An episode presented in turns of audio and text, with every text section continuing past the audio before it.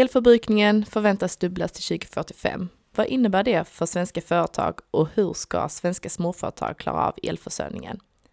Det ska vi försöka ta reda på i detta avsnitt av Albinsons Agenda, en podd om hållbarhet med mig, Jenny Albinsson, expert på miljö och klimat på Företagarna. Varmt välkomna!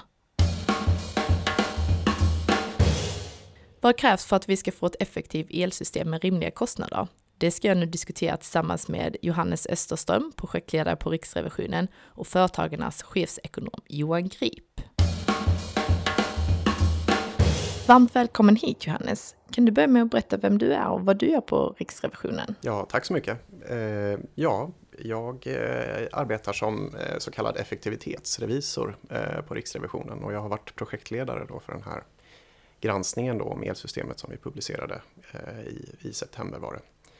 Och eh, ja, vi på Riksrevisionen då, vi effektivitetsrevisorer, vi granskar med ganska långa utredningar kan man säga, där vi riktar oss till, eh, till både regeringen och till myndigheterna med våra eh, iakttagelser och rekommendationer sen i slutändan i en granskningsrapport helt enkelt. Eh, och det gör oss eh, till en lite unik myndighet då, att vi är riksdagens granskande myndighet och kan då granska både eh, regeringen och myndigheterna och få med hela kedjan så att säga i, i våra granskningar. Och vem är det som beslutar vad det är ni ska granska? Är det regering, riksdagen eller är det ni själva? Det är faktiskt vi själva, inte ens riksdagen då som vars myndighet vi är då kan säga åt oss vad vi ska granska utan vi har en egen omvärldsbevakningsprocess där vi tar fram förslag och eh, värderar dem internt och sen eh, presenterar vi det för riksrevisorn som eh, får vara med och besluta om vad, vad som ska granskas och inte och så vidare.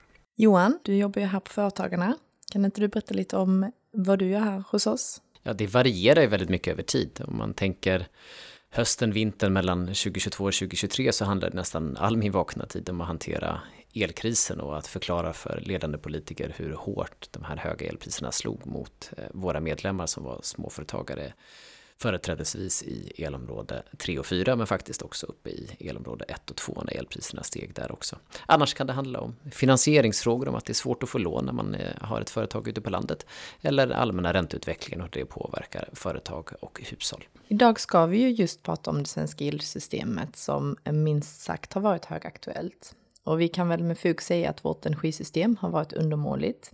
Det är i dagsläget exempelvis svårt att leverera el på vissa timmar om året och inte sällan har vi behövt förlita oss på Sveriges fossila reservkraftverk. Detta i en tid, ska tilläggas, när vi behöver fördubbla elförsörjningen med anledning av såväl klimatomställning som utbyggnad av städer till 2045. Och hur hamnade vi här egentligen? Johannes, ni presenterade nyligen en granskning och riktade då hård kritik mot ett antal politiska beslut som påverkat det svenska energisystemet. Vad handlade den kritiken om och ehm, är de här besluten som förorsakat den energikris som vi ser idag? Vi, eh, ja, vi, vi landade då i den här granskningen i september och vi granskade främst regeringens eh, och eh, inblandade myndigheters hantering av elsystemet under 10-20 år bakåt i tiden.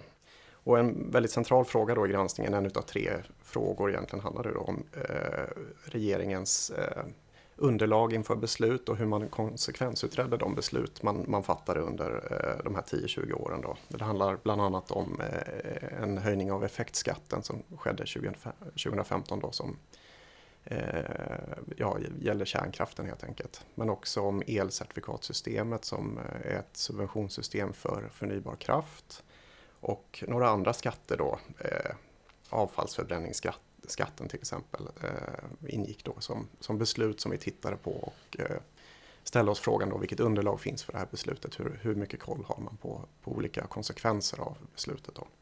Och vi landade ju då i att vissa beslut så, så fanns det egentligen inga konsekvensanalyser alls som, eh, som gällde elsystemet och hur den här förändringen skulle påverka elsystemets funktion. Och det vi tänkte främst på då var eh, dels hur eh, elsystemets eh, försörjningstrygghet skulle påverkas, om det kan leverera el när det behöver kunna leverera el. Eh, och också konkurrenssituationen inom elsystemet, konkurrensen mellan kraftslagen då, för att många av de här besluten har handlat om att antingen subventionera eller beskatta och det påverkar då ja, men förutsättningarna för de olika aktörerna och även kraftslagen då eftersom de här skatterna har handlat om kraftslag i mångt och mycket.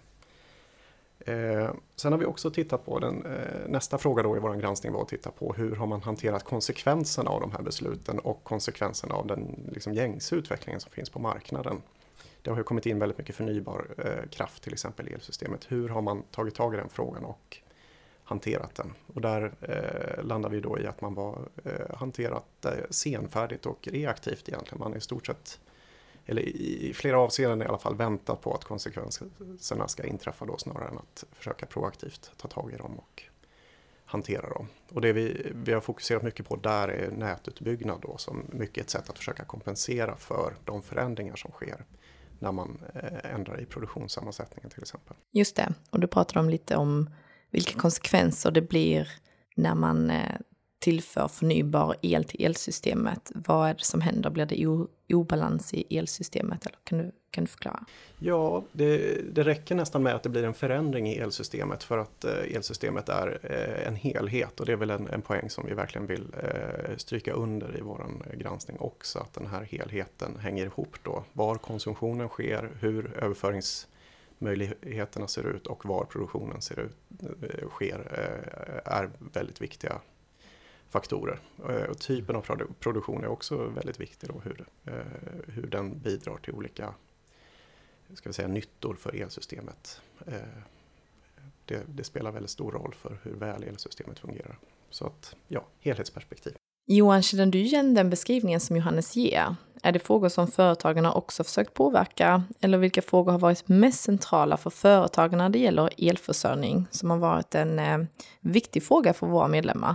Nej men absolut, nej men jag känner absolut igen det där. Och vi fick ju se konsekvenserna av det under förra hösten och vintern när elpriserna stack iväg något enormt och vi var ja, vissa timmar så ökade ju alltså risken för att vi inte skulle ha någon el alls på, i södra Sverige eh, och att man då skulle behöva stänga av med på väldigt kort varsel. Och det var ett ganska stort problem för många av våra medlemmar som höll på med typ av olika industrier där det kan bli direkt ja, farligt eh, ifall eh, strömmen sticker för snabbt och man antog att de kunde ställa om sin produktion och stänga av mycket snabbare än vad de egentligen klarade av. Och då hade vi massa krismöten om hur tidigt man kunde få den här varningen och så vidare. Så det, var ju, det ställde sig verkligen på sin spets där. Alltså det var illa nog med de höga priserna men att vi då helt plötsligt skulle kunna vara utan el eh, vissa stunder eh, ställde till det riktigt rejält. Det visar ju hur långt det, vi lät det gå innan vi började ta tag i det. Just det, och, ehm, och finns det några politiska frågor som företagen har drivit för att underlätta för våra medlemmar att ja, dels kostnaderna,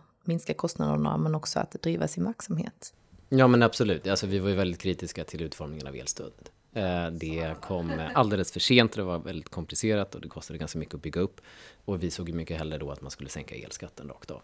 Eh, och elmomsen som många andra våra grannländer och europeiska eh, grannar gjorde. Men vi valde att inte göra det och nu istället höja den efter årsskiftet, vilket är helt fel väg att gå.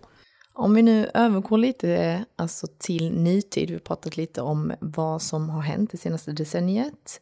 Eh, men om vi tittar på nutid, vilka utmaningar är det vi ser? Och eh, Johannes, kan du förklara vad är problemet idag? Eh, och är det en konsekvens av de politiska beslut som har genomförts? Ja, men man kan väl säga att en väldigt enkel bakgrund till, till eh, den, den senaste, de senaste decenniernas utveckling då är ju att vi kommer från ett system som eh, mycket har byggts på ingenjörsmässiga grunder kan man säga. Att man har haft ett helhetsperspektiv där eh, produktion och, och nätutbyggnad har, har tänkts ut tillsammans.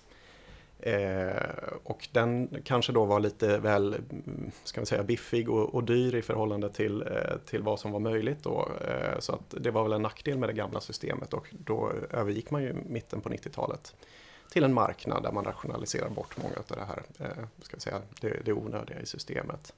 Men det har ju också eh, lett till att det här helhetsperspektivet då delvis eh, ja, har belysts mindre nu för tiden då att eh, produktionen av el sker på en egen marknad så att säga och nät, nät hanteras separat då, eh, eh, i dagens system. Eh, och ovanpå allt det där och kommer då liksom klimatutmaningen där vi måste gå mot ett mer eh, hållbart e-, elsystem men också att elsystemet nu de senaste åren dessutom ska ta över mycket energiproduktion från andra områden där det är svårare att gå över till fossilfri produktion så att säga.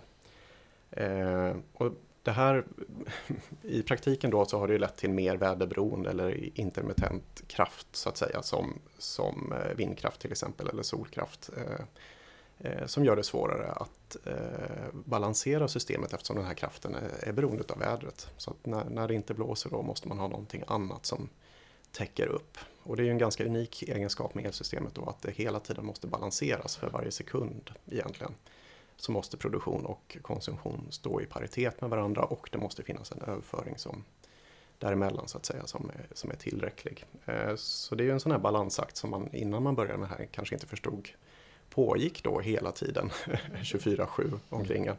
Eh, ja, så utvecklingen då mot mer eh, väderberoende kraft då har ju har ju gjort att eh, större krav ställs på transmissionsnätet. Och när vi sammanställer data då i granskningen över hur mycket, hur mycket överföring går egentligen i transmissionsnätet från norra till södra Sverige till exempel så såg vi att från 2013 då där vi började till 20, 2022 eh, så, så hade egentligen överföringen fördubblats då. Så man kan säga att eh, eh ja, den här förändringen då har eh, verkligen påverkat. Och det, det, har ju inte bara att göra med att kraften varierar så att säga i, i Eh, i, i, takt med vädret utan också att den är utspridd på andra geografiska platser i landet. Eh, det har lagts ner kärnkraft i södra Sverige, det har dykt upp vindkraft dels i södra Sverige men också mycket i norra Sverige. Då. Eh, och när det är lite vind i, i södra Sverige då, då måste även till exempel vattenkraft föras över från norra Sverige då till, till södra på ett sätt som kanske inte var nödvändigt förr då när man hade en mer jämn produktion i södra Sverige. Så det här är väl utmaningen kan man säga för, för elsystemet.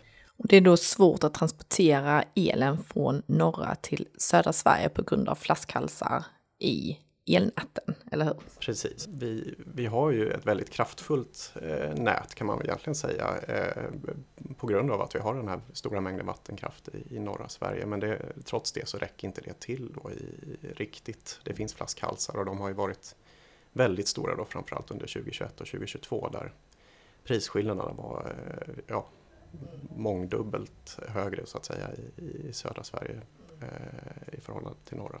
Man kan säga att på den här eh, övergripande förändringen, långsiktiga förändringen av det, det svenska eller nordiska systemet så kom ju den här krisen med, med Rysslands anfall mot Ukraina och gaspriser i Europa som stack iväg enormt högt. Och det, det satte ju den här ytterligare pressen så att säga på det på vårt system som, som skapar de här stora prisskillnaderna till exempel. Och de där prisskillnaderna fick ju våra medlemmar känna av under elkrisen, eller hur Johan? Oh ja. Eh, och vi gjorde också en undersökning mitt under brinnande elkris. Kan du berätta mer om den? Ja, exakt. Det var ju såklart eh, södra Sverige som drabbades allra hårdast, alltså elområde 4. Eh, och där sa ju över 70 procent att de hade påverkats kännbart eller mycket kännbart av de höga elpriserna. Men det var ju inte bara elen som var dyr under den där perioden. Utan vi hade ju ett allmänt högt inflationstryck och över 75 procent sa att de hade påverkats kännbart eller mycket kännbart av höga drivmedelspriser också. Så det var ju alla priser som steg samtidigt då som hushållens eh, och andra företags efterfrågan sjönk lite grann. Eh, så då behöver du hantera ökade kostnader med minskad efterfrågan. Och det säger sig självt att det blir en jätte, jättesvår situation där likviditeten blir eh, lidande och man helt plötsligt måste börja fundera på om man har råd att behålla all sin personal. Eh, ifall man behöver dra ner på produktionen eller om man riskerar att gå i konkurs. Men du Johannes, vårt elsystem är ju också sammanhängande med andra länders elsystem.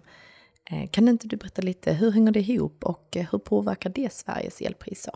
Ja, men det var också en, en, så att säga, en förändringstrend som, eh, som vi såg när vi tittade tillbaka på vad som har hänt i elsystemet. Då, att eh, det nordiska systemet eh, har i, blivit mycket mer anslutet till det europeiska stora systemet så att säga. Eh, under de senaste 20 åren. Och då är det, eh, Sverige har eh, anslutit en ny kabel då, åtminstone till Baltikum och sen har även Norge anslutit ett antal väldigt kraftfulla kablar då till, till Tyskland och Storbritannien bland annat. Och det har ju påverkat så att de låga elpriserna, i, alltså den låga kostnaden för elproduktion i, i Norden då, det, det leder till att priserna här har varit låga traditionellt sett och Eh, när det finns en anslutning till Europa då så, så, så går ju e- elen åt det håll där priserna är högre så att säga och eh, därför har det satt ytterligare press på ska säga, elnäten då att de behöver hantera den här eh, överföringen av el söderut till exportkablarna då helt enkelt. Det är, det är både import och exportkablar men det har blivit mycket export på dem. Eh, ja, så det är, det är en stor förändring som har ökat pressen ytterligare på, på transmissionsnät kan man säga. Just det, och eh, Johan, eh, vad, vad, säger du om detta? Alltså, som en nationalekonom så är det väldigt svårt att inte alltid tänka på priser och vad de signalerar. Och på en vanlig marknad när priset går upp, då vill man ju då sälja till den som är villig att betala högst, alltså exporterar man till de länder där de har stor efterfrågan men lite lägre produktion. Det är liksom inte så konstigt. Det som ska hända sen, det är ju att det här priset ska stimulera nya investeringar. Och det är väl lite där vi inte har sett att det har kunnat göras, eh, till exempel i Sverige, att man inte fick bygga ny kärnkraft förrän vi nu har börjat ändra på reglerna för vad som får eh, produceras och investeras i. Eh, så därför blir ju elsystemet inte som en vanlig marknad eh, och därför har vi upplevt en del av de här problemen tror jag, eftersom vi har satt vissa begränsningar på marknaden samtidigt som signalen är densamma. Om vi blickar lite framåt, vilka åtgärder krävs för att kunna säkerställa låga kostnader och en stabil eltillgång? Både på kort och lång sikt. Eh, Johan, vill du börja? Ja, men på kort sikt, och det var ju det vi drev eh, som, eh, som förslag mot regeringen. Alltså för det första är det att sänka elskatten, det kan man göra på en gång. Eh, men det andra handlar väl om effektiviseringar, det är det vi klarar av att göra just nu. Försöka dra ner på eh, efterfrågan där det går. Eh, och sen på lång sikt så måste vi tillbaka till två hål i väggen. Alltså det ska bara funka. Det ska finnas billig el eh, i hela landet 24 timmar om dygnet. Eh, så att företag och hushåll bara kan fokusera på andra saker istället. Eh, och att vi kan underlätta den här omställningen som vi måste ske och elektrifiera till exempel transporter och allting annat. Johannes, vad säger du? Vilka åtgärder behövs på lång och på kort sikt? Ja, om man börjar då med på kort sikt så, så landar vi då i, i rekommendationer i granskningen då med, till eh, framförallt Svenska kraftnät att de måste så långt det bara går utnyttja eh, det befintliga systemet som vi har maximalt så att säga. Det är sannolikt väldigt lönsamt för samhället att bara Eh, göra det som går så att säga för att effektivisera den användningen. Och det har vi också sett att man har gjort. Man har lyckats öka överföringsförmågan i systemet genom att ta till fler verktyg som man har i sin verktygslåda. Så det är ju vårt, eh, ett starkt medskick där att fortsätt med det och om möjligt då eh, gör, gör det ännu mer så att säga. Eh, förstås så ska man också tänka på att driftsäkerheten ska upprätthållas men det, det är väl en, en självklar förutsättning förstås. Eh, för framtiden då så är det, eh, är det ju egentligen den självklara eh, slutsatsen av vår granskning att man måste börja göra konsekvensanalyser när man fattar beslut som påverkar elsystemet. Och de här konsekvensanalyserna bör göras utifrån ett helhetsperspektiv så att säga, att man inte kan ändra i en ände bara utan att hela systemet hänger ihop, det måste hela tiden kunna balanseras eh, och eh, därför måste man ha det här helhetsperspektivet. Och vi, vi eh, skickar också med att eh, det här med nätutbyggnad måste man se över då att eh, det tar väldigt lång tid att bygga ut nät och det vi tyvärr såg när vi tittade på ett antal stora projekt då, som är särskilt viktiga för att det här nätet ska bli starkare eh, det var att den tog eh, extra lång tid i praktiken då. Eh, 17 till 20 år landar vi på för de tre stora projekt som vi tittade på. Och det blir ju en väldigt lång tid när man behöver eh, så att säga försöka använda det här systemet för att ställa om eh, mot eh, klimatneutralitet. Eh, så där behöver man titta på både hur kan man så att säga investera de, de pengar som behöver investeras snabbare eh, men också hur kan man komma igenom de tillståndsprocesser och ledtider som man har eh, mycket snabbare. Så att det, ja. Mm. Nej men vi håller ju med om det på företagen också. Man måste ju ställa nyttor ibland mot varandra. Alltså om det finns en anledning till att tillståndet tar lång tid, eh, där annan typ av miljöhänsyn eh, lyfts, så måste man väga det mot nyttan av mer elproduktion för att vi ska klara våra klimatmål. Eh, och det måste ju börja ske på en gång. Man kan lägga till en intressant aspekt av det är väl att det, det, om man tittar bakåt så har det ofta varit fokus på led, ledtider eller tillståndsprocesser för ny produktion då, att få fram, ja men till exempel vindkraft har varit omdiskuterat i de, eh, i de avseendena. Men nätet har kanske lite glömts bort. Mm. Nu är det mer fokus på nätet men eh, det måste också komma fram då om man, om man tänker sig ny produktion på nya platser. Ja, nu har de ju jättemånga flaskhalsavgifter kvar som de kan använda till nätutbyggnad. Precis, det är bara att köra. Ett huvudsyfte med, med de avgifterna. Men om vi nu eh, dyker ner lite i de stora kraftslagen så har det ju länge varit debatt kring vilket som är det mest effektiva och gröna alternativet. Och vi har sett en tydlig politisk skiljelinje främst mellan kärnkraft och vindkraft. Och den nuvarande regeringen vurmar tydligt för kärnkraften och har bland annat föreslagit kreditgarantier för investeringar i ny kärnkraft. Eh, men också ytterligare ekonomiska styrmedel som underlättar för kärnkraftsbolagen. Och samtidigt har man då tagit bort subventioner som funnits för ledningar till havsbaserad eh, vindkraftverk. Johan, hur ser du på den utvecklingen? Många kritiker menar att eh, regeringen agerar mot principen om så kallad teknikneutralitet. Är det motiverat att ge kärnkraften så mycket utrymme som den nu har fått sedan regeringen tillträdde? Så jag tycker att man kan ta ett steg tillbaka och fundera på vad problemet i den här frågan är. Och liksom som Johannes har varit inne på hela tiden, alltså vi måste på något sätt utgå från elsystemets behov och sen sätta upp en plan där vi styr mot en låg total systemkostnad för elsystemet som helhet. Och då om vi tidigare byggde det på ingenjörsmässiga grunder så vill vi väl kanske ha marknadsmässiga och ingenjörsmässiga grunder nu så att vi har ett effektivt system men som ändå kan leverera de nyttor eh, vi vill ha, det som krävs i elsystemet. Och jag tror låsningen har ju uppstått i att man har tittat för mycket just på kraftslaget. Alltså att man på något sätt har börjat förorda ett för att det är det man gillar istället för att bara titta på vilken funktion fyller det här och så vilka nyttor bidrar det med och finns det några obalanser som behöver eh, hanteras av det här kraftslaget. Och då hjälper ju teknikneutralitet väldigt mycket i det. För att om vi bara tittar på nyttorna och så låtsas att vi har någon slöja för ögonen sådär. Eh, och så visar det sig att ett kraftslag levererar väldigt många av de här och ett gör det inte. Ja, då ska vi ju se till att vi får mer av det som eh, bidrar med de här nyttorna till elsystemet. Och just nu verkar det vara kärnkraft. Eh, och det betyder ju då inte att man liksom ger kärnkraften en gräddfil utan att man faktiskt är teknikneutral och värderar nyttorna som elsystemet behöver. Johannes, hur ser du på den beskrivningen som Johan ger här? Jo, vi, tänker ju också att eh, så som marknaden är tänkt att funka då så, så ska väl staten framförallt efterfråga eh, de kvaliteter och nyttor som man vill att systemet ska leverera då. Främst så är det ju förstås el så att säga och det är det som det har varit inriktat på mycket historiskt. Eh, men Eh, om man tänker sig andra kvaliteter och också till exempel eh, för att upprätthålla stabilitet i högre grad och eh, kunna producera el under vissa perioder när det särskilt behövs så att säga så tänker vi att, man, att staten ska agera för att skapa de incitamenten på själva marknaden så att säga främst. Så att det ska vara öppet och neutralt så att säga vem det är som kan leverera det här. Om det är kärnkraft eller om det är andra sorters lösningar så att säga. Det, det, det får marknaden svara på helt enkelt. Ja, det skulle kunna komma något helt nytt teknikslag som vi inte känner till än, som löser alla de här problemen. Då är Precis. vi för det. Okej, men om vi ska vara lite konkreta här till våra lyssnare. Ni pratar om de här nyttorna som kärnkraften kan ge och inte vindkraften. Kan du beskriva, eller kan ni beskriva det lite tydligare? Vad menar ni?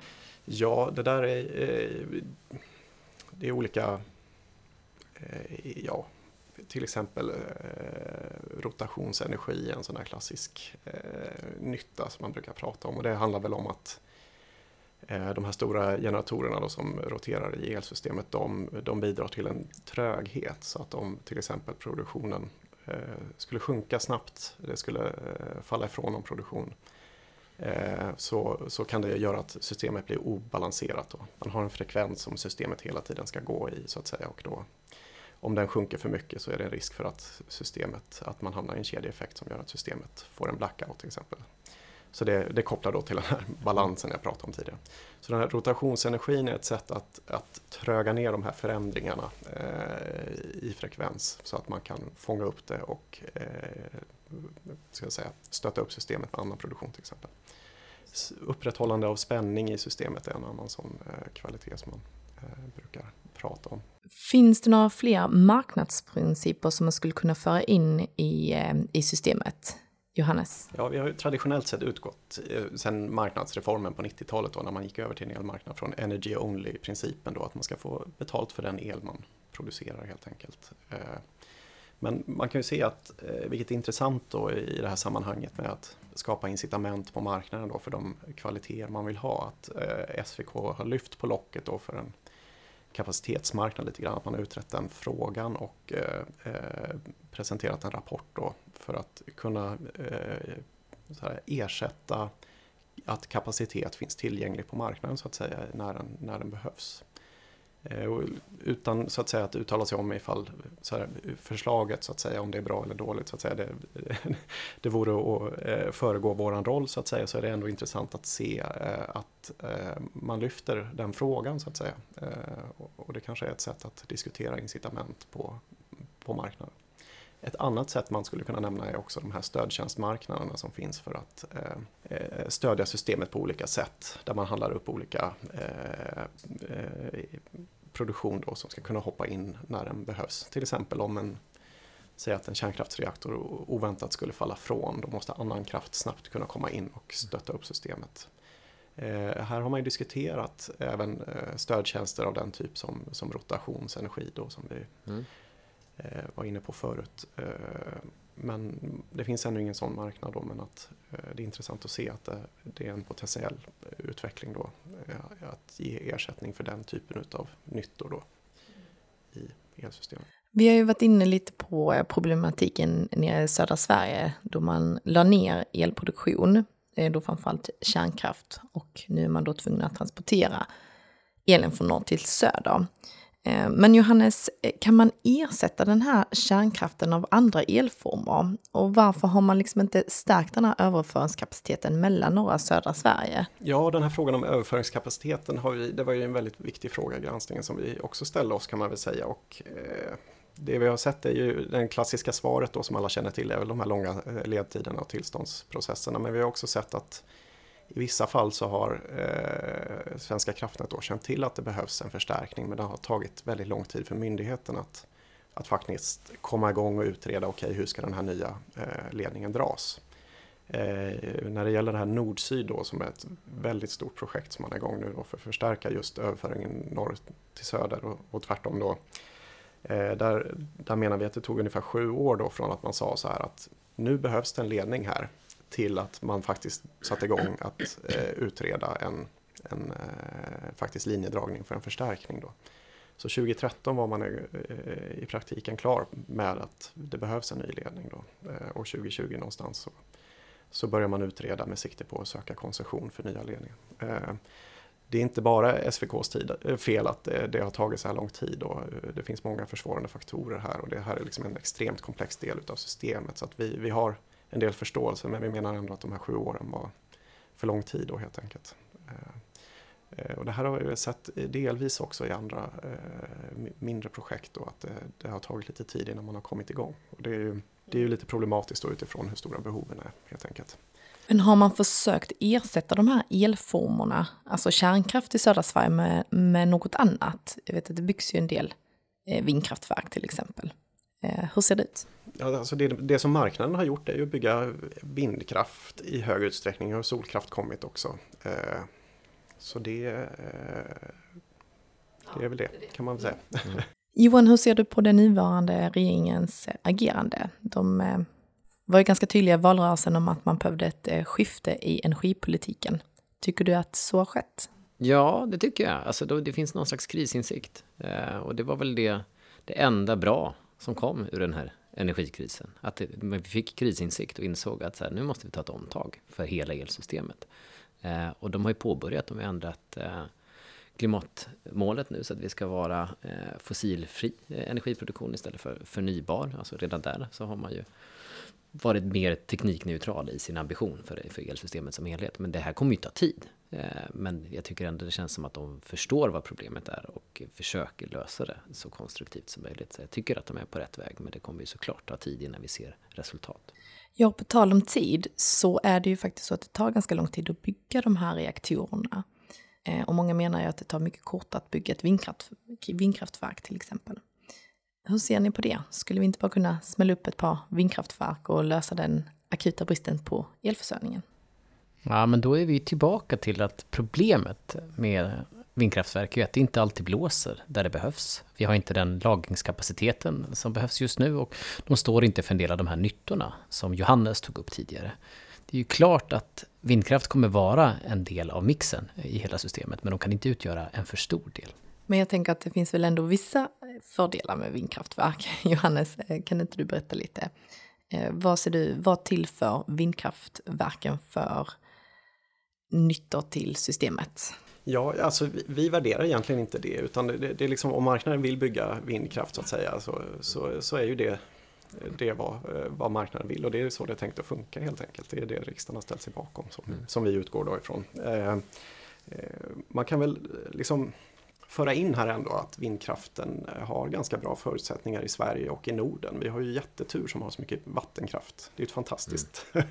nu, nu, är jag lite värderande här ändå, men vattenkraft har ju väldigt många eh, fördelar. Den är i stort sett färdigbyggd i, i Sverige då, vad, vad, vi vet just nu i alla fall. Så att den, den finns ju där och den är ju ett enormt batteri så att säga. Den kan spara sin kraft till när, när det inte blåser till exempel. Så den, den är ju väldigt bra i kombination med vindkraft. Eh, men sen så har vi då till exempel överföringsproblemet då att eh, när konsumtionen finns i syd och, och, och vattenkraften och, och, mycket vindkraft finns i norr då, då blir det en väldigt stor utmaning att överföra så mycket kraft söderut som, som då behövs så att säga. Eh, så att det, det ökar ju utmaningarna så att säga i, i det här. Att kompensera så att säga mm. när, det, när det inte blåser. Men, men vi har bra förutsättningar och ja. Sen har ju vindkraften ett till problem som den liksom ställer till med för sig själv. Och det är ju om man bygger ut vindkraften väldigt mycket så du har ännu mer produktion och det blåser ju då samtidigt för alla de här vindsnurrorna så du trycker ner priset ännu mer. Vilket skapar någon slags paradox i hur mycket man vill bygga ut om du inte kan lagra det i och med att du får mindre betalt när du producerar mer. Eh, vilket är jättehärligt för kund. Eh, för det är klart man vill betala så lite som möjligt, det är det, därför vi sitter här och pratar om det här. Eh, men för de som ska investera i det så blir det ju eh, en, en huvudvärk när eh, du trycker ner ditt eget pris. Men vi kan ändå eh, enas om att vi behöver alla kraftslag, men det ska vara en mix, eller hur? Och vilken mix tycker du är bäst? Johan? Oj, det får nog en ingenjör svara på, men jag tycker att vi behöver ett leveranssäkert elsystem som kan ge en låg och stabil kostnad för slutkund. Men man kan lägga till här också att den framtida, om man tänker sig den, den framtida vätgasekonomin, vad den nu blir så att säga, med en stålproduktion i norra Sverige, det kommer ju kräva väldigt mycket elenergiproduktion, eh, hur man än vänder och vrider på det så att säga, en fördubbling eller någonting i den stilen. Då har man ju också någon form av energilager då i form av vätgasen. Så när det, när det blåser mycket då så skulle man kunna mm. direkt göra eh, vätgas utav elen som, som finns i el, elsystemet. När det, eh, och, och, även då eh, spara vätgas till de dagar när det blåser lite då. Och då har man det här vätgaslagret som man tömmer ut under de dagarna. Eh, så man, det finns ändå tecken på att det finns lösningar där man, där man kan kompensera för den här variabiliteten en, en hel del. Sen, eh, jag kallar det för utmaningar då, det, det är en väldig omställning som, eh, som behöver göras och som kommer kräva mycket då. Men eh, det, ja, man får ändå balansera det med så att säga att det, det är ändå tänkt att kunna, eh, kunna gå och använda de här lagren som ett sätt att kom, kompensera för eh, variationer i produktion. Helt enkelt med tanke på hur otroligt mycket eh, elenergi som, som finns eh, i de här prognoserna för framtiden. Då. Vi pratar om en fördubbling utav produktionen eh, på några decennier.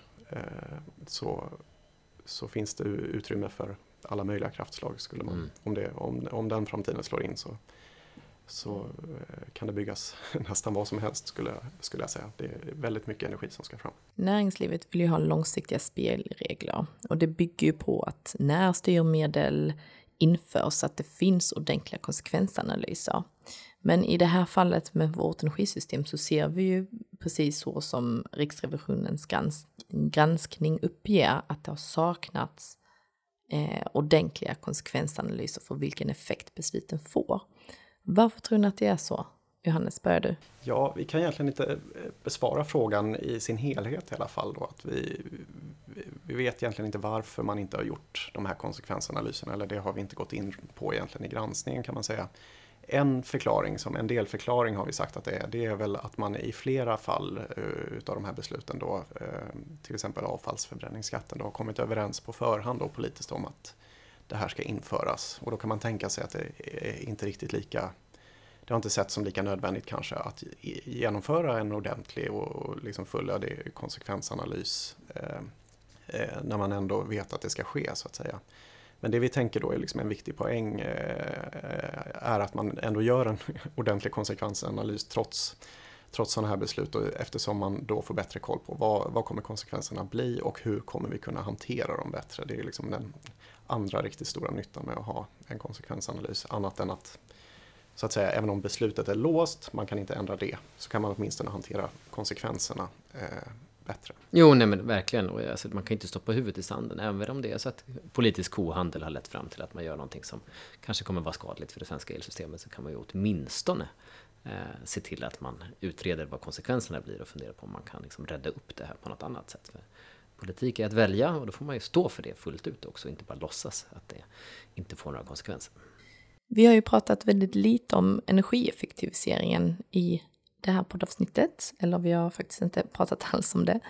Eh, och det är också ett väldigt stort ämne som skulle kräva sitt eget avsnitt. Men om vi ändå ska nämna lite kring det och betydelsen av AI för energieffektiviseringen. Eh, hur ser du på det Johan? Vad tror du? Eh, kommer AI ha en framtid för energieffektiviseringen eller det kanske redan har börjat helt enkelt? Ja, men jag tror det har ju redan börjat. Alltså det handlar ju om hur fastighetsägare kan styra energiåtgången i, i hus när de tittar på hur mycket folk som rör sig. Så under pandemin så såg vi att man styrde liksom, ehm, flödet av luft beroende på hur många som befann sig i en galleria eller i, i en fastighet. Och detsamma gäller ju såklart elanvändning och hur varm det behöver vara i olika rum. Men jag tror att med AI-tjänster och kanske ehm, ja, energianvändning som blir lite mer flexibel så kan du ju styra temperaturen under ett dygn beroende på vad eh, liksom, effektiviteten behöver vara och ifall det lönar sig att kanske dra ner temperaturen en grad under en kort stund så kan man göra det eller ändra temperaturen i kylskåpen eller någonting annat. Så jag tror att AI skulle kunna hjälpa till att göra systemet mer effektivt. Ehm, även om det gör det redan idag så tror jag att du kan göra det på mycket bredare bas om du inkluderar alla företag och hushåll också. Johannes, är det någonting ni har tittat på i er granskning? Vi har inte tittat på AI direkt men flex eh, ska säga flexsidan, efterfrågesidan av, av elsystemet har vi ju tittat på hur regeringen och myndigheterna har arbetat med den frågan då. Man kan tänka sig att AI kanske är ett bra verktyg för att eh, kunna aggregera till exempel många elkonsumenter så att de kan vara mer flexibla i sin elanvändning. Eh, men det vi såg var att man har, man har tittat mycket på frågan och utrett den. Det kanske inte har blivit så konkret ännu, eh, i alla fall när vi tittade på det i den här granskningen då. Eh, och vi såg det som en risk då, givet att man har väldigt stora förhoppningar satta till flex, så att säga. Att det är väldigt stora eh, mängder energi som man tänker sig kunna spara in, så att säga avlasta från elsystemet med flex i framtiden. Och det här gapet så att säga mellan eh, möjlig produktion och eh, förväntad konsumtion, det, det, blir bara större och större. Och det är också någonting som Svenska kraftnät har varnat för, att det här gapet blir väldigt stort. Eh, om den här flexen då inte kan materialiseras, att den inte blir så stor som, som vi hoppas på, då blir det ju effektbrist istället och det är ju eh, ja, avstängning utav eh, elkunder så att säga när, när konsumtionen blir för stor eh, i förhållande till, till produktionen. Så det, det är ju en, en, risk som vi varnar för där, att man måste se till att det här verkligen materialiseras om, om man tänker sig att ha det som ett betydande eh, svar i den här lösningen. Då. Men precis, och flex ska ju inte vara anledning till att vi inte bygger mer elproduktion. Man känner sig nej, nej, flex kommer lösa det. Eh, utan det är ju en del i det här, men det är absolut inte det enda vi behöver göra. Precis, och man skulle behöva bli mer konkret i ja. hur, hur stor är egentligen den här delen? Mm. Vad kan vi förvänta oss? Så då börjar faktiskt det här poddavsnittet lida mot sitt slut. Så jag tänkte att jag skulle ställa en avslutande fråga till er båda. Och vilka medskick skulle ni vilja ge till de politiker och tjänstemän som nu sitter med att planera fler åtgärder för att stärka vårt energisystem? Ja, men det måste vara då att eh, se till att det genomförs ordentliga konsekvensanalyser som belyser konsekvenserna i elsystemet och också från ett helhetsperspektiv. Kort och gott. Nej, men jag håller verkligen med. Så utgångspunkt i elsystemets behov. Men förstå också att det är lite bråttom nu. Alltså ifall vi ska klara av den här omställningen så får det inte ta så här lång tid som det har gjort. Utan man måste också känna lite grann att det brinner i knutarna. Eh, så de får jobba lite snabbare än vad de har gjort hittills. Ja, men då får jag säga stort tack för att ni kom hit, Johannes och Johan. Och eh, på återseende helt enkelt. Tack. Tack så mycket. Tack Johan och Johannes och nu ska vi gå vidare med att utforska det som krävs för att utveckla energiförsörjningen på bästa sätt samtidigt som vi minskar utsläppen. För att förklara detta har jag bjudit in Fabian Levin, chef för forskning och utveckling på Stockholms Exergi. Välkommen Fabian! Tack så mycket! Kan inte du eh, börja berätta lite kort om dig själv och vad ni och du gör på Exergi? Ja, jag är chef för forskning och utveckling på energibolaget Stockholm Exergi.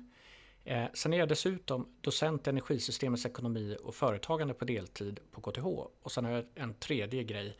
att jag är med i EU-kommissionens expertgrupp för negativa utsläpp. Eh, så att jag håller på med energi, ekonomi och försöker förstå hela hur, eh, egentligen vart vi är på väg och varför och hur politik och näringsliv samverkar i hela den här förflyttningen som vi är mitt i. Ja, det var ett gediget CV. Men du Fabian, skulle du kunna berätta mer om det energibolaget du är verksam på, Stockholms Exergi? Vad gör ni där?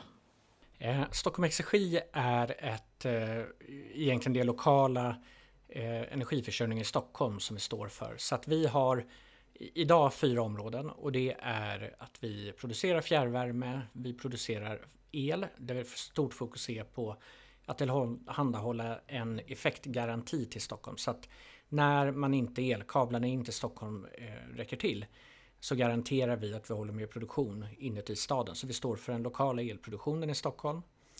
Vi har fjärrkyla eh, försörjningen i Stockholm och dessutom så står vi eh, för i princip all avfallsförbränning i staden. När det kommer till kraftvärmeverk så pratas det ju väldigt sällan om dess betydelse för elförsörjningen, vilket kanske främst beror på att man förknippar ju fjärrvärmen med att värma upp hushåll och fastigheter. Men i Stockholm har elproduktionen som producerats i er anläggning fått en avgörande betydelse för elförsörjningen under kalla vinterdagar. Kan du inte berätta mer om det? Ja, det är väl egentligen återkommande så finns det begränsningar i egentligen hur mycket kopparkablar det finns att transportera in el in till staden. Eh, det man då normalt brukar prata om själva stamnät och regionnät som finns in till Stockholm. Eh, och som det ser ut idag så behöver Stockholm långt mycket mer el än vad man kan få in med de här kablarna. Eh, och på grund av det så håller vi med en garanti om att vi förser Stockholm med 320 megawatt el vid behov. Eh, och för att förstå storleken på det så är ungefär hela el, behovet av eleffekt i Stockholm de kallaste vinterdagarna lite över 1800 megawatt eller 1900 megawatt. Det beror lite på hur man drar, var man drar gränsen för var Stockholm slutar och börjar. Men eh, ungefär då alltså en, jag, jag, jag tar det, för det är alltså en ganska stor del av Stockholms elförsörjning i form av eleffekt som vi står för. Med tanke på de utmaningar vi står inför när det kommer till elförsörjningen så verkar ju det här som ett eh, väldigt bra koncept. Men går det att göra, frigöra mer terawattimmar än de du nämnde? Eh, ja, absolut. Ett jättebra exempel är i december förra året som jag tror många som eh, kommer ihåg sina elräkningar ifrån. När det var kallt, det var inte så mycket vindkraft och det var lite strul i kärnkraften. Eh, och allmänt skyhögt elpris. Eh, och dessutom då drivet av de bränslepriser som vi ser på grund av Rysslands invasion av Ukraina. Eh, och i vår fjärrvärmeproduktion har vi både kraftvärmeverk där vi både producerar el och fjärrvärme. Men vi har också stora värmepumpar där vi återvinner till exempel värme ur det renade avloppsvattnet i Stockholm. Men under den här perioden med extremt högt elpris och extremt hög el, efterfrågan på el så kunde vi både stänga av våra egna värmepumpar samt prioritera så mycket produktion i kraftvärmeverken som möjligt. Och det gjorde att vi eh, som mest höll med nästan 600 megawatt eh, till elmarknaden under den perioden. Vilket jag tycker är otroligt häftigt. Så vi kan göra mer än de 320 megawatten. Eh, och 600 megawatt, då är vi uppe i samma storlek som de små kärnkraftsreaktorerna i Sverige. Och om jag har förstått det rätt så ger också fjärrvärmesystemet möjlighet att ta tillvara på spillvärme. Kan du berätta mer om det och vad har det för effekt för energisystemet? Finns det någon koppling även här till eh, elförsörjningen? Absolut, det gör det. Eh, eh ett tydligt exempel är just eh, det jag nämnde tidigare här med att när vi tar hand om värmen ur det renade avloppsvattnet och det är Henriksdals reningsverk som det mesta av vårt avlopp passerar i Stockholm. Och innan man släpper ut det renade avloppsvattnet så är det fortfarande varmt. Eh, och allt det kan man använda som energi eh, in till en värmepump. Så då helt enkelt använder vi värmepump för att få ut så mycket energi som möjligt. Vilket har två fördelar. Dels är det ett väldigt effektivt sätt att få ut värme. Så det är ett bra, bra värmekälla för stockholmarna. Men det är även så att vi kyler eh, avloppsvattnet innan det släpps ut i Östersjön. Och det gör att med kallare temperatur så får du in mindre lokal inverkan på det marina livet också. Så det, det, är flera vinster med ett sådant system. Eh, det som också är eftersom att vi har dem i ett fjärrvärmesystem med annan produktion så kan vi köra våra värmepumpar flexibelt. Så är det jättebra tillgång på vind och sol som vi haft nu eh, de här senaste dagarna relativt varmt och låg efterfrågan på el. Då kan vi prioritera att använda så mycket el som möjligt för att värma Stockholm. Och tvärtom, ifall vi har en ny period där det är extremt höga priser, då kan vi stänga av värmepumparna och prioritera elproduktion istället. Och visst är det så att eh, man kan också överföra värme från anslutande verksamheter. Ni har gjort någon form av affärsmodell av detta som kallas öppen fjärrvärme, stämmer det? Och kan du berätta lite mer om den affärsmodellen? Ja absolut. Eh, det är egentligen samma, i grunden samma idé som vi har kring, avloppsreningen. Som är från stora butiker, eh, stora matvarubutiker och de har, de har kylrum och fryser och annat som behöver kyla. Eh, då tar deras kylmaskiner och genererar jättemycket värme och eh, om de är, förenklat kan man säga, om de är beredda att sälja värmen till oss till ett pris som gör att det blir billigare för oss att producera fjärrvärme jämfört med om vi skulle producera det själva då är vi beredda att köpa den. Eh, så att egentligen det, och det har funnits ett par år. Och det är datacenter, eh, alltså stora datahallar som finns ett gäng runt om i Stockholm. Det är ett gäng stora matvarubutiker och lite andra verksamheter som är med i det. Eh, och det är helt enkelt att de levererar värme och får betalt för den värme de levererar in till Stockholms fjärrvärme. Vet du hur det ser ut i andra delar av Sverige? Eh, är detta vanligt? För det verkar ju som en bra affärsmodell där du tar tillvara på värmen som annars, annars hade gått till spillo. Men det är också en affär av det. Eh, absolut. Eh, själva hur affärsmodellen ser ut kan nog variera. Men, men till exempel stora delar av eh, till exempel om vi tar Göteborg så tar ju mycket av värmen och kommer från raffinaderierna som finns. Eh, I Luleå har vi SSAB och stålverket eh, och det finns liknande att man tar tillvara på industriell spillvärme när den finns tillgänglig. I, Stockholm är det inte lika mycket industri utan då har vi ju avloppsrening, vi har eh, datahallar och det finns stora livsmedelsbutiker och kontor och annat som behöver kyla som vi kan plocka värme ifrån och även då ute i sjövatten. Om vi går in lite på fjärrvärmen påverkar klimatet så står mm. det på er hemsida att fjärrvärmen är en riktigt smart lösning för både klimatet och plånbok, en okänd klimathjälte. Vad menar ni med det? Kan du utveckla? Ja, när man kollar historiskt och på de stora utsläppsminskningar som har varit i Sverige så är en väldigt stor del att vi har bytt från att använda olja i uppvärmningen till eh, att vi har gått över till förnybart. Då till exempel de här värmepumparna som återvinner spillvärme men även då kraftvärmeproduktion med förnybar bioenergi och annat. Eh, och det är i princip eh, en stor, det mesta av det är tack vare fjärrvärmens omställning. Och det, det, är väldigt få som känner till det enorma arbete som har gjorts på att få ner de fossila koldioxidutsläppen. Eh, och bara här i Stockholm till exempel så fanns det en gång i tiden under en lång period, under i princip 100 år, säljde man kol för att göra el och värme. Eh, vilket nu är stängt och det är självklart att det är en enorm klimatnytta av att fasa ut det sista fossila kolet ur vår energiförsörjning. Eh, på samma sätt att fasa ut olja. Och det här är ett arbete som har pågått sedan 70-talet med den här utfasningen. Vilket gör att det är eh, ja, de utsläpp vi har kvar det är i princip från avfallsförbränning. Du nämnde här eh, hushållsavfall som eh, bränsle Eh, för att producera el och värme. Är det fossilt eller är det biogent och eh, hur rimmar det med klimatnyttan?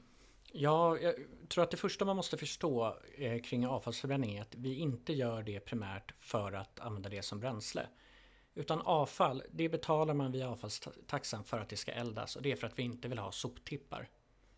Det är det som driver, så man betalar helt enkelt för förbränning. Och den största anläggningen för avfallsförbränning den, den är ute i Högdalen. Högdalenverket byggdes bara som en ren avfallsdestruktionsanläggning från början. Bara för att elda avfall och, och, och som sagt bara för att inte behöva ha soptippar runt om i Stockholm. Vilket även är förbjudet i Sverige. Eh, sen tar vi tillvara på värmen som blir när vi eldar avfallet och gör el och värme. Men det är inte det utan vi får, vi får primärt betalt för just att elda upp avfallet. Eh, och då är det så att avfall består till del av det fossila som alla vi slänger och det har ju liksom ingenting att göra med ifall man, vilken energi eller uppvärmning eller vilken el man köper utan eh, vi slänger en massa avfall enorma mängder. I Stockholm är det runt en miljon ton per år. Eh, lite under har jag för mig, men den storleksordningen.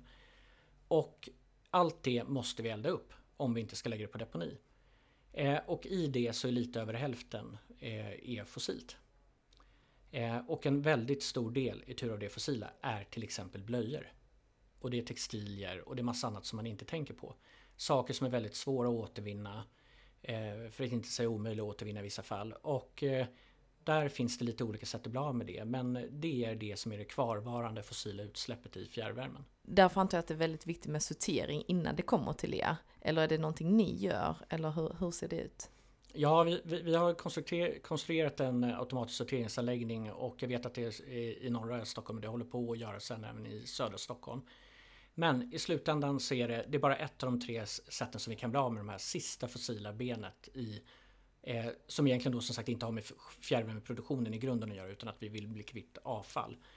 Eh, och då är det att vi kan sortera mer, återvinna mer.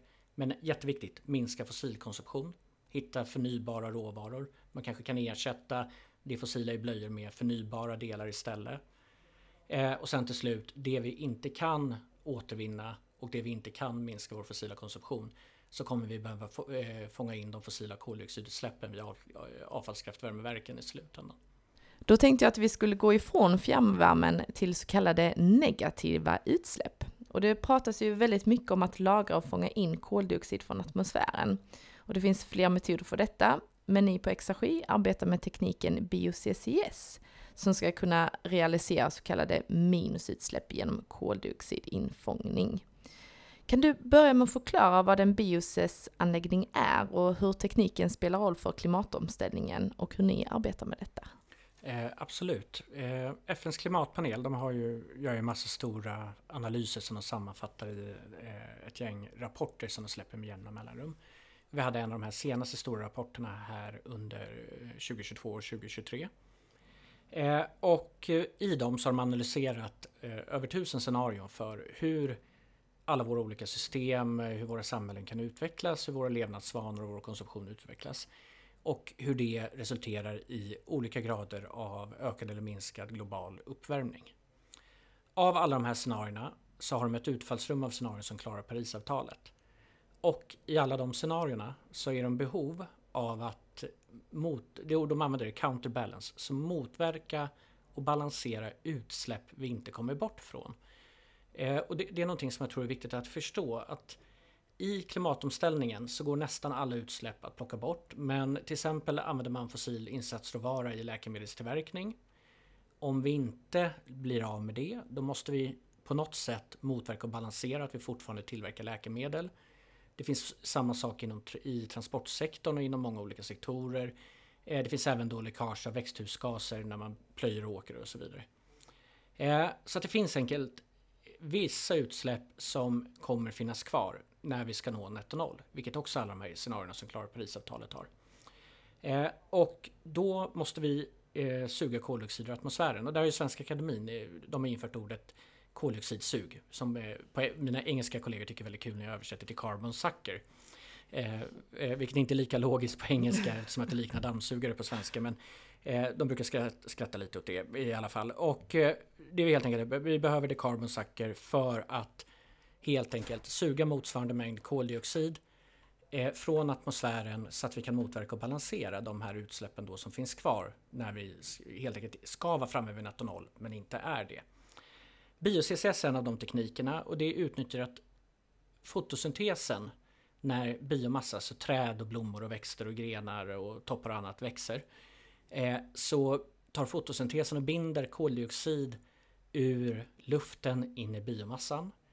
Och när man då använder biomassan för att göra energi då återgår den koldioxiden normalt till atmosfären. Men om vi istället då tar och fångar in den och lagrar den permanent då kommer koldioxiden över tid att flyttas från atmosfären ner i berggrunden där den då permanent kan lagras. Och det gör att vi skapar så kallade negativa utsläpp. Man helt enkelt flyttar kol ur atmosfären och stoppar det i berget, vilket då är själva motsatsen. Det stora problemet i hela klimatfrågan är att vi tar så mycket fossilt kol ur berget och stoppar i atmosfären. Det är därför vi har global uppvärmning framför allt. Eh, så det är en av de saker vi eh, arbetar med och eh, vår tanke och varför vi arbetar med det här det är helt enkelt att vi vill erbjuda det som är tjänst. Så det är ett femte affärsområde för oss som vi håller på att öppna upp. Att vi ska erbjuda helt enkelt en koldioxidsug eller negativa utsläpp som de som sitter med Svarte Petter och utsläpp de inte kommer bort från då ska kunna köpa negativa utsläpp som motverkar och balanserar det de har kvar. Men om eh, företag får köpa eh, utsl negativa utsläpp av er, eh, minskar det incitamenten att eh, minska själva utsläppen? Alltså att de får kompensera för sina utsläpp istället för att minska dem på riktigt. Vad tycker du?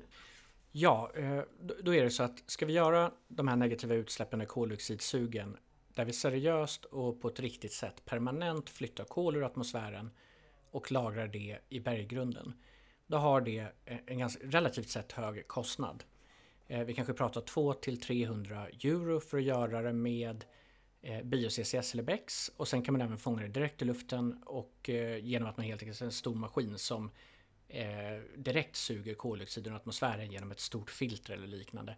Då kostar det kanske 700 till 1200 euro per ton. Utsläppshandeln är idag under 100 euro per ton. Eh, och det gör att ska kostnaden för då helt enkelt att motverka balansera är dubbelt så hög som utsläppshandeln. Eh, och i alla de här, vilket även, och det kommer tillbaka till alla de här IPCC-scenarierna. I alla de här scenarierna så är det kanske 80% av fallen enklare och billigare att plocka bort de fossila utsläppen och minska dem. Utan det här, de negativa utsläppen, de behövs bara för att motverka det sista som vi inte kommer bort från. Utan det handlar just om att motverka och balansera de sista residualutsläppen eh, så att vi kan nå netto noll. Men det är inte ett sätt att undvika allt det stora arbete vi behöver göra i övrigt. Utan det viktigaste är fortfarande att minska på alla fossila utsläpp. Men du, vad har varit de största hindren för etablering av en eh, fullskalig eh, produktion av bio-CCS? För just nu är det väl en pilotanläggning och som du beskriver så verkar det vara ett väldigt komplext och stort system och med stora investeringar.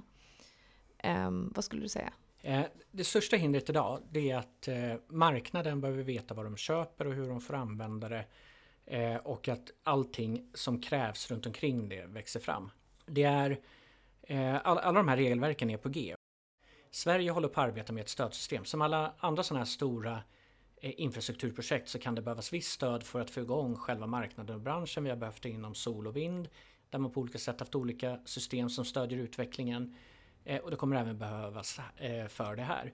Det systemet ligger just nu för godkännande nere hos EUs konkurrensmyndighet som heter DG Klima där Sverige då har lämnat in en ansökan om att man från eh, eh, från regering och riksdag ska då kunna få gå in genom en omvänd aktion och stödja sådana här projekt.